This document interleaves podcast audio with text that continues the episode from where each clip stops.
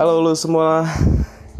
Lagi dengerin podcast radio show bersama gua Joe. Dan episode kali ini lahir dari rasa penasaran gua tentang alien. Ada nggak sih alien itu? Dan apakah kita bisa pergi keluar angkasa atau kita bisa tinggal di planet lain? Gak usah berlama-lama dan inilah radio show. Well, gue udah lama banget nggak opening kayak gitu, kayak kangen aja gitu. Ya, tai lah. ya, eh, gue gue masih belum percaya ya adanya alien. Nggak tahu kenapa kalau di episode yang dulu gue nggak percaya adanya alien. Mungkin alien itu adalah uh, sebuah idealisme manusia um, membayangkan yang yang manusia tuh membayangkan bahwa ada makhluk yang memiliki power lebih dari manusia gitu. Kita tahulah manusia memiliki power yang begitu tinggi di bumi. Jadi alien kayak mm, gambaran idealnya gitu. Tapi ada orang yang percaya bahwa alien uh, hidup di planet di luar bumi yang jauh dari bumi um, ya gue nggak tahu juga sih. Uh, tapi ya gue belum percaya alien ya karena memang apa yang mau dipercaya gitu. Kalau misalnya ada kehidupan di planet lain oke gue percaya ada kehidupan di planet lain tapi kalau uh, ada makhluk yang memiliki power melebihi manusia agak sulit sih untuk dipercaya selain Tuhan. Karena gimana ya gue sih berpikirnya alien tuh dongeng aja Iya, iya, iya, mau gimana lagi gitu. UFO, ya, kenapa UFO harus bentuknya tuh bulat gitu seperti piring? Terus uh, entah berantah dari mana itu piring tiba-tiba turun, terus uh, keluarlah makhluk yang dipercaya bahwa itu uh, kecanggihan teknologi yang udah visioner sekali uh, no no no gue terlalu percaya akan hal itu. Kalaupun ada alien yang tinggal di luar bumi gitu di planet di di luar planet bumi untuk pergi ke bumi aja itu susah banget cuy. Kalaupun selamat kalau kagak ya lu bayangin aja benda langit aja jatuh ke bumi. Itu tergerus sama lapisan ozon. Sampai akhirnya ketika udah sampai bumi ya cuma jadi debu hilang gitu aja gitu. Karena lapisan ozon saking panasnya. Jadi ada lapisan atmosfer uh, ada ozon ada stratosfer ada uh, apa lagi ya? Ya ada ada tiga kalau nggak salah. Gue lupa tapi di situ tuh uh, ada lapisan yang paling uh, panas ada lapisan yang khusus untuk sinyal radioaktif radiologi atau apa gue lupa. Jadi uh, lapisan atmosfer ini yang menangkap gelombang sinyal kayak gitu. Dan ya alam semesta ini memiliki hukum yang sebegitu kompleksnya untuk dipahami oleh manusia. Uh, eh, 7 miliar penduduk manusia aja yang sekarang ini masih belum bisa menyelami hukum alam yang sebegitu kompleksnya yang sudah bertahan selama berjuta-juta tahun dan lagi manusianya pun hidup hanya eh paling lama berapa ratus tahun. Jadi kalau dibandingin sama kehidupan uh, alam semesta ini yang sudah berjuta-juta tahun ya agak sulit lah bagi manusia untuk menyelami hukum alam yang begitu kompleks ini. Ada eh, lapisan-lapisan setelah ini ini planet bumi nih punya lapisan atmosfer uh, lapisan uh, pertama lapisan kedua lapisan ketiga kalau nggak salah ada tiga lapisan. Uh, jadi pesawat terbang tuh nggak boleh melewati lapisan keberapa gitu. Karena itu akan sangat berbahaya dan bisa hilang kendali kayak, kayak gitu. Dan uh, sekompleks itu yang ngebuat gue percaya kalau alien nggak ada. Dan lagi sangat sulit bagi manusia untuk bisa pergi keluar angkasa gitu dengan selamat. Dan ya bisa lu bayangin lah eh, benda langit yang berada di luar lapisan atmosfer bumi ketika uh, jatuh ke bumi mengalami proses uh, gesekan dengan lapisan atmosfer yang akhirnya menyebabkan uh, pembakaran. Karena gesekan yang begitu kencang sampai akhirnya benda langit dari uh, luar angkasa jatuh ke bumi itu jadi debu aja gitu hilang gitu aja. Yang tadinya besar akhirnya hilang gitu aja. Yang gue bayangin tuh gini roket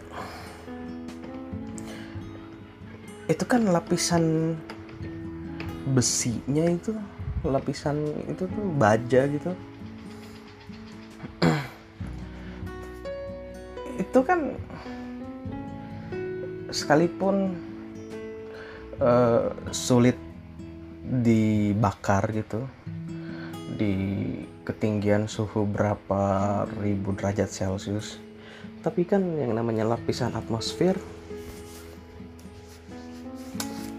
tekanannya tuh tinggi dan menyebabkan gesekan yang begitu kenceng juga jadi kalau misalnya roket bisa terbang dari bumi ke luar angkasa, untuk baliknya tuh gue bingung.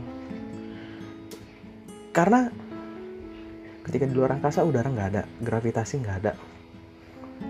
Untuk uh, balik lagi ke bumi, memang sih ada energi yang bisa menggerakkan roket untuk balik lagi ke bumi gitu. Tapi ini kan menembus tiga lapisan atmosfer itu tadi. Bisa lo bayangin benda luar angkasa aja yang sebegitu besarnya bisa menjadi debu ketika turun ke bumi. Apalagi roket yang ukurannya nggak sebesar benda luar angkasa itu dan kalau dibilang uh, oh mate materialnya beda. Kalau benda luar angkasa kan seperti batu gitu yang bisa terkikis. Tapi kalau uh, roket kan dibentuk dari baja yang akan sulit untuk uh, terkikis ketika menembus lapisan atmosfer. Tapi kurang make sense saja dan apalagi ada narasi di tahun 60-an yang manusia pergi ke bulan untuk pertama kali? Not really. Apakah manusia pergi ke bulan? Sampai sekarang kan masih dipertanyakan. Bahkan Neil Armstrong yang benar-benar menginjakan kaki di bulan dimintai dimintain sumpah di atas uh, kitab suci ogah gitu. Jadi bukan karena Neil Armstrongnya yang ogah dimintai uh, sumpah di atas kitab suci yang menjadi landasan kuat gue untuk berkata manusia kayaknya belum pernah ada yang pergi ke luar angkasa. Tapi ya setelah gue pelajarin wah gokil. Jadi ternyata ya misi ke bulan sebenarnya itu adalah sebuah narasi untuk menutupi money laundry yang sebegitu besarnya. Kalau misalnya lu mau money laundry dengan uh, jumlah uang 17 miliar ya gampang banget lo bikin usaha aja restoran ke restoran yang nggak rame nggak apa tapi di laporan keuangan nanti dibikin uh, pencatatan kalau ini restorannya menghasilkan keuntungan sekian. Padahal mah itu duit lo yang lo taruh di bagian keuntungan seolah-olah untung seolah-olah lo dapat keuntungan dari itu padahal mah lo melakukan money laundry gitu.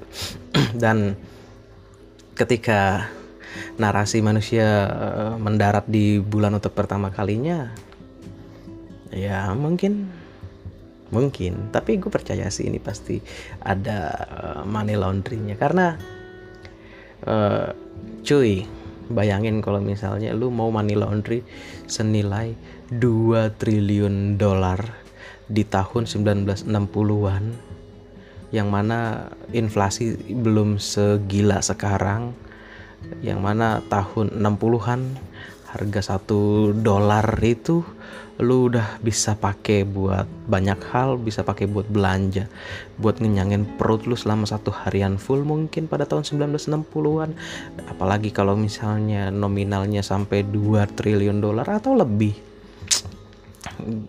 kita masih belum tahu.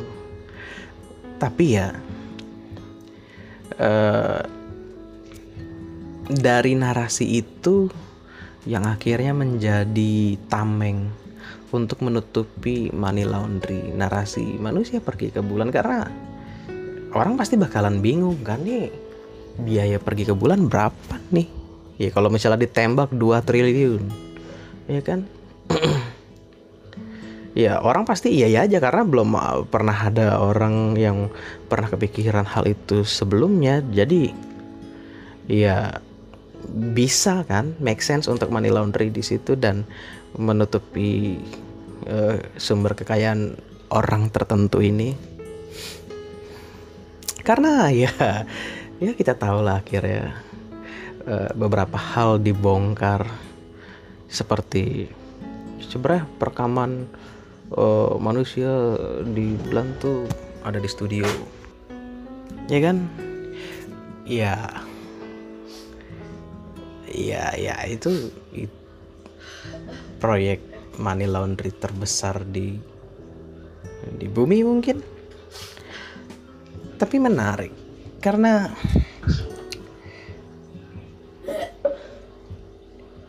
gimana caranya lu menutupi sumber kekayaan lu uh, biar lu tuh bisa menjadi the most powerful tapi lu bagian dari the man behind uh, suatu hal yang powerful ini gitu.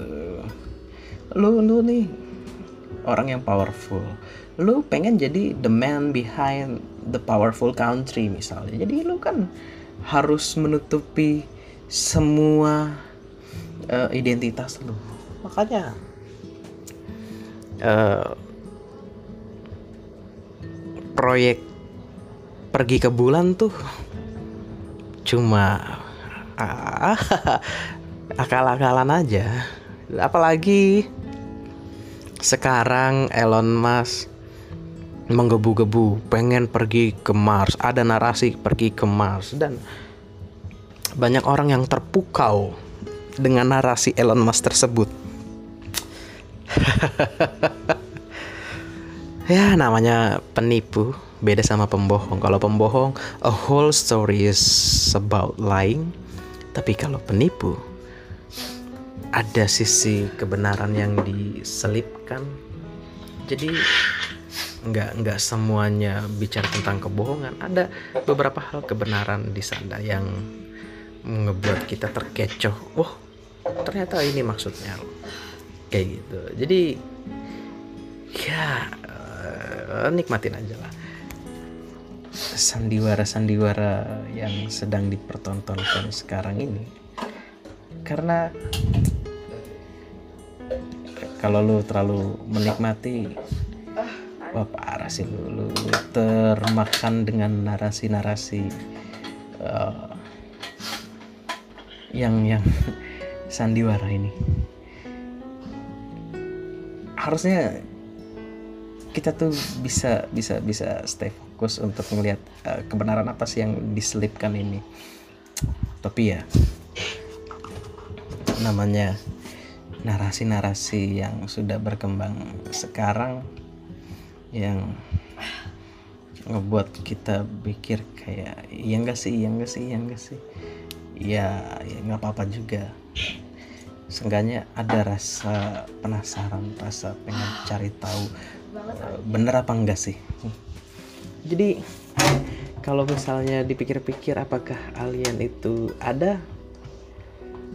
Gak ada sih kalau menurut gue kalaupun ada uh, nggak seperti dengan narasi yang berkembang di masyarakat punya UFO uh, terus uh, wujudnya seperti manusia Iya, iya. Gue gue percaya dengan filsafat idealisme bahwa manusia menciptakan suatu imajinasi berdasarkan apa yang mereka lihat ya.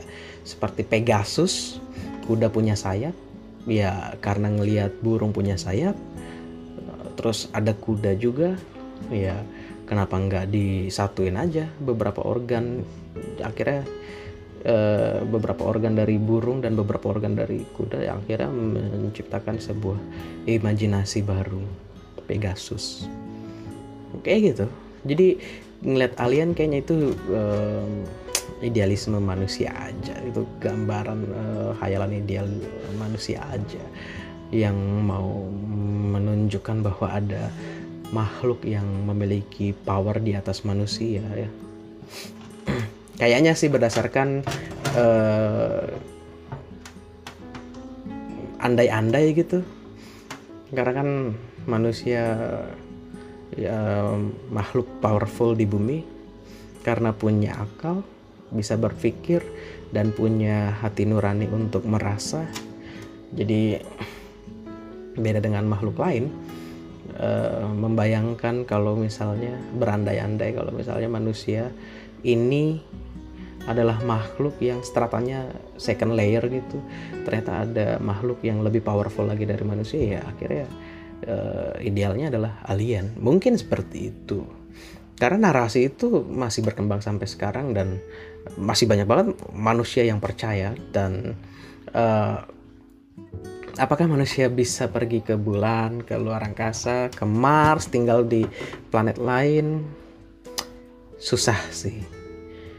Iya, apalagi jarak antara bumi dengan planet-planet lain itu jaraknya udah bukan ratusan kilometer tapi uh, udah berdasarkan cahaya gitu. Jadi uh, berapa hari cahaya berapa bulan cahaya ya kayak lu nyenter nih ya kan? Lu nyenter nih lampu ini bisa kelihatan di jarak berapa. Dan ketika lampu ini bisa kelihatan lu lu sorot kayak begitu itu hitungan cahayanya jadi semakin mendekati ya. Uh, maksud gue semakin uh, jarak antara bumi dan Mars misalnya uh, bisa ngelihat cahaya yang dinyalain di bumi gitu ya itu sebenarnya udah uh, udah lewat gitu. Iya, jadi kalau misalnya jarak antara bumi ke Mars anggaplah satu tahun cahaya ya berarti kan apa yang dilihat orang-orang di bumi yang sekarang tentang keadaan planet Mars yang sekarang sebenarnya itu adalah keadaan planet Mars di satu tahun yang lalu karena uh, perbedaan jarak tadi. Jadi uh, delay dan kalau ada manusia yang bisa pergi ke Mars, bisa tinggal di Mars, uh, itu kan perjalanan jauh banget, butuh waktu yang nggak sebentar. Apalagi kecepatan cahaya uh, berbeda dengan kecepatan benda-benda lain. Mungkin ada yang lebih cepat dari cahaya atau uh, ada yang lebih lambat dari cahaya. Uh, transportasi yang bakal digunakan, tapi ya kalau patokannya berdasarkan cahaya uh, uh, uh, kecepatan cahaya itu ya lo hitung sendiri lah.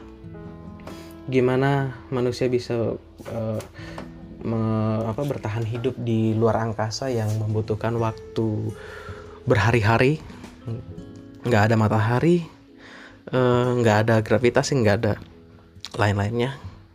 Dan bagaimana manusia bisa mengendarai uh, roket di hutan belantara di luar angkasa sana yang nggak punya um, tatanan yang lebih rapih daripada yang ada di bumi kayak ada gravitasi kan kalau di bumi. Kalau di luar angkasa kan benar-benar entah berantah aja gitu. Jadi lu mau uh, mengendarai roket dibelokin kanan belok kiri lu kan nggak tahu uh, benda luar angkasa itu memiliki kecepatan berapa kilometer per jam yang nggak bisa diduga-duga.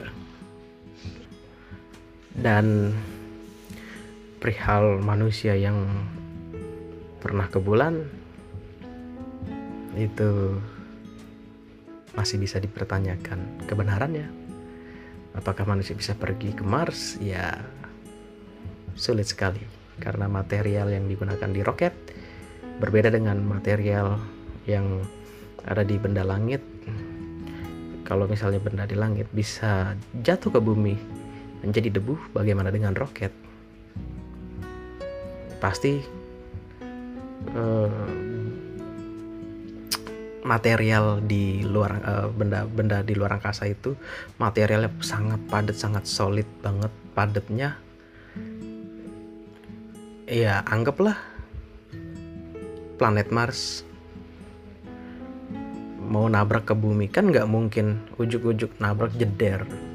Kan ngelewatin beberapa lapisan atmosfer yang uh, memiliki uh, tekanan gesekan yang begitu tinggi yang pasti bakal ada uh, gesekan pasti bakal ada pengikisan. Ya ya sekalipun nantinya nabrak tapi kan uh, adalah pengikisan. Dan begitupun dengan roket yang nembus ke uh, atmosfer bumi gue percaya itu akan sulit banget. Dan perihal Elon Musk yang memiliki narasi pengen tinggal ke bulan gue ngeliatnya ini adalah narasi politis. Pasti ada agenda politik di sana. Karena sulit untuk manusia bisa tinggal di luar planet bumi ini. Itu aja dari gua. Kalau lo punya pertanyaan silahkan lo tanyain di Instagram gua at full of zero. Atau lo langsung email gua di radio show at protonmail.ch jadi gue welcome banget kalau misalnya lo mau ngebahas. Dan ini adalah episode dari serangkaian episode satu tahun di tahun 2021 ini lagi gue rampungin. Makasih lu mau dengerin sampai sekarang. Deh